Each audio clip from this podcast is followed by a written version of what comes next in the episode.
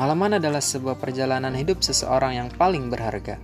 Dan pengalaman itu sendiri bisa berbeda-beda tiap orangnya, entah itu seorang dokter, seniman, pegawai, atau seorang kaum rebahan yang suka tidur-tiduran. Yang pasti mereka punya pengalaman menarik masing-masingnya. Di podcast ini, tiap minggunya gue mau ngebahas pengalaman seseorang dari latar belakang yang berbeda-beda.